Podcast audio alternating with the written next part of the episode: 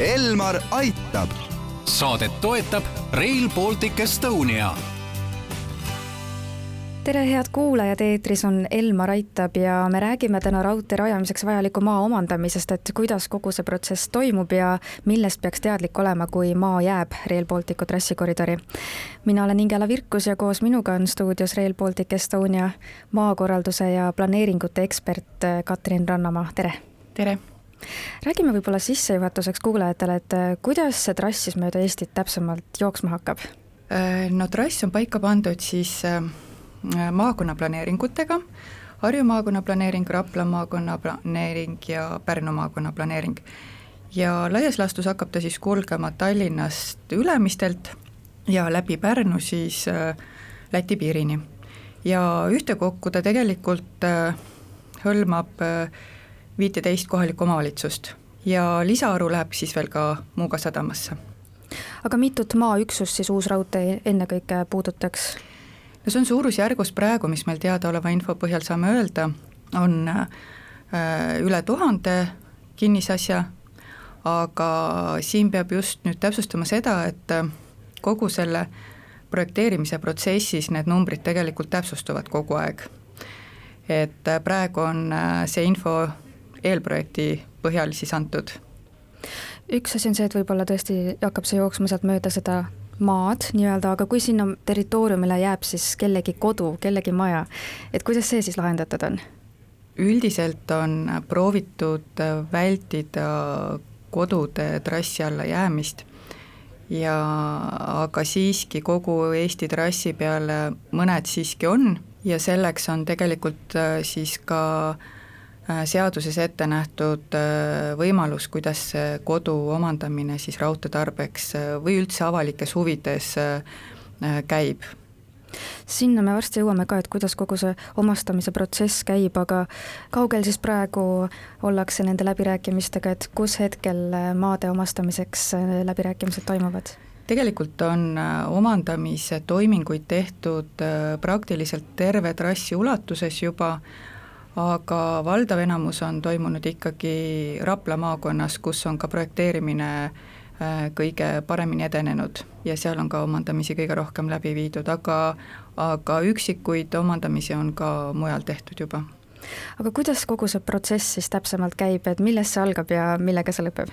Äh, kui nüüd ma väga detailidesse ei lähe, siis laias laastus saab ta alguse sellest, kui projektlahendus annab ette selle, kui palju siis äh, mingist kinnisasjast on äh, maad tarvis äh, omandada, ütleme nii, et lähteülesanne tuleb siis projektlahendusest, seejärel ähm, Majandus- ja Kommunikatsiooniministeerium on volitanud Maa-ametit kogu seda omandamise toiminguid läbi viima ja Majandus- ja Kommunikatsiooniministeerium annab siis Maa-ametile korralduse, et nimekirja siis kinnistutest, mille osas omandamist võib alustada.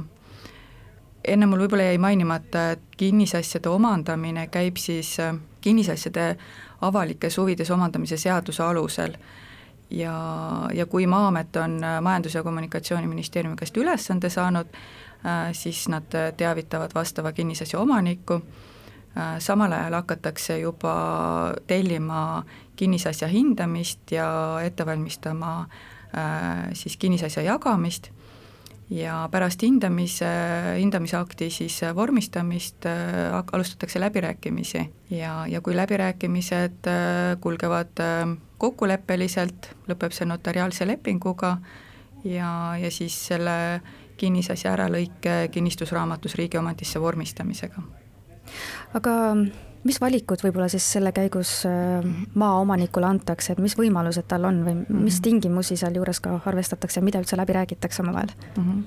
et äh, peamised tehingud tehakse rahas omandamise teel, aga on võimalik läbi viia ka maakorraldust, kus kinnistute piire muudetakse ja on võimalik ka vahetusmenetlus et nende osas äh, siis läbirääkimisi peetaksegi ja, ja kui ei õnnestu äh, siiski kokkuleppele jõuda, siis seadus annab võimaluse ka kinnisasja sundvõõrandamiseks. kui palju sellist äh, sundvõõrandamist on ette tulnud?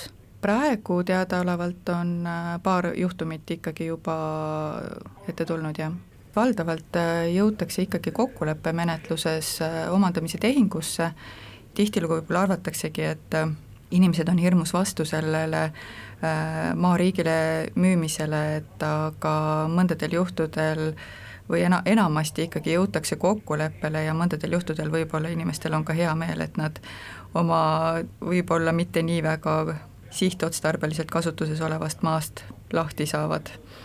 et omandamise menetlus jah, ei, ei pruugi olla alati äh, sundvõõrandamine, pigem on ta ikka kokkuleppel omandamine aga mida tasub veel maaomanikul teada, kui tema maa jääb Rail Balticu trassikoridori? võib-olla tõesti ma rõhutaks selle üle, et äh, kui äh, noh, inimesed juba kuulevad, et äh, omandamise protsessid käivad, et, et kõikides piirkondades korraga seda omandamist ei ole võimalik läbi viia, et see toimubki etapiviisiliselt, et kui projektlahendus valmib, siis vastava lõigu maaomanike poole hakatakse ka pöörduma et ja, ja teine asi, see, mm, millele ma võib-olla tahaks tähelepanu juhtida, on see, et äh, kui kinnistu omanik jääb küll maakonnaplaneeringu järgsesse trassikoridori, siis see ei pruugi tähendada, et äh, tema kinnistust äralõige tuleb, et äh, maakonnaplaneeringu trassikoridor on kolmesaja viiekümne meetri laiune ja seal sees siis leitakse sellele raudteele siis kõige optimaalsem asukoht see tähendab, et kes võib-olla maakonnaplaneeringu koridoris küll asuvad, aga noh, nemad ei pruugi sinna omandamise menetlusse üldse jõudagi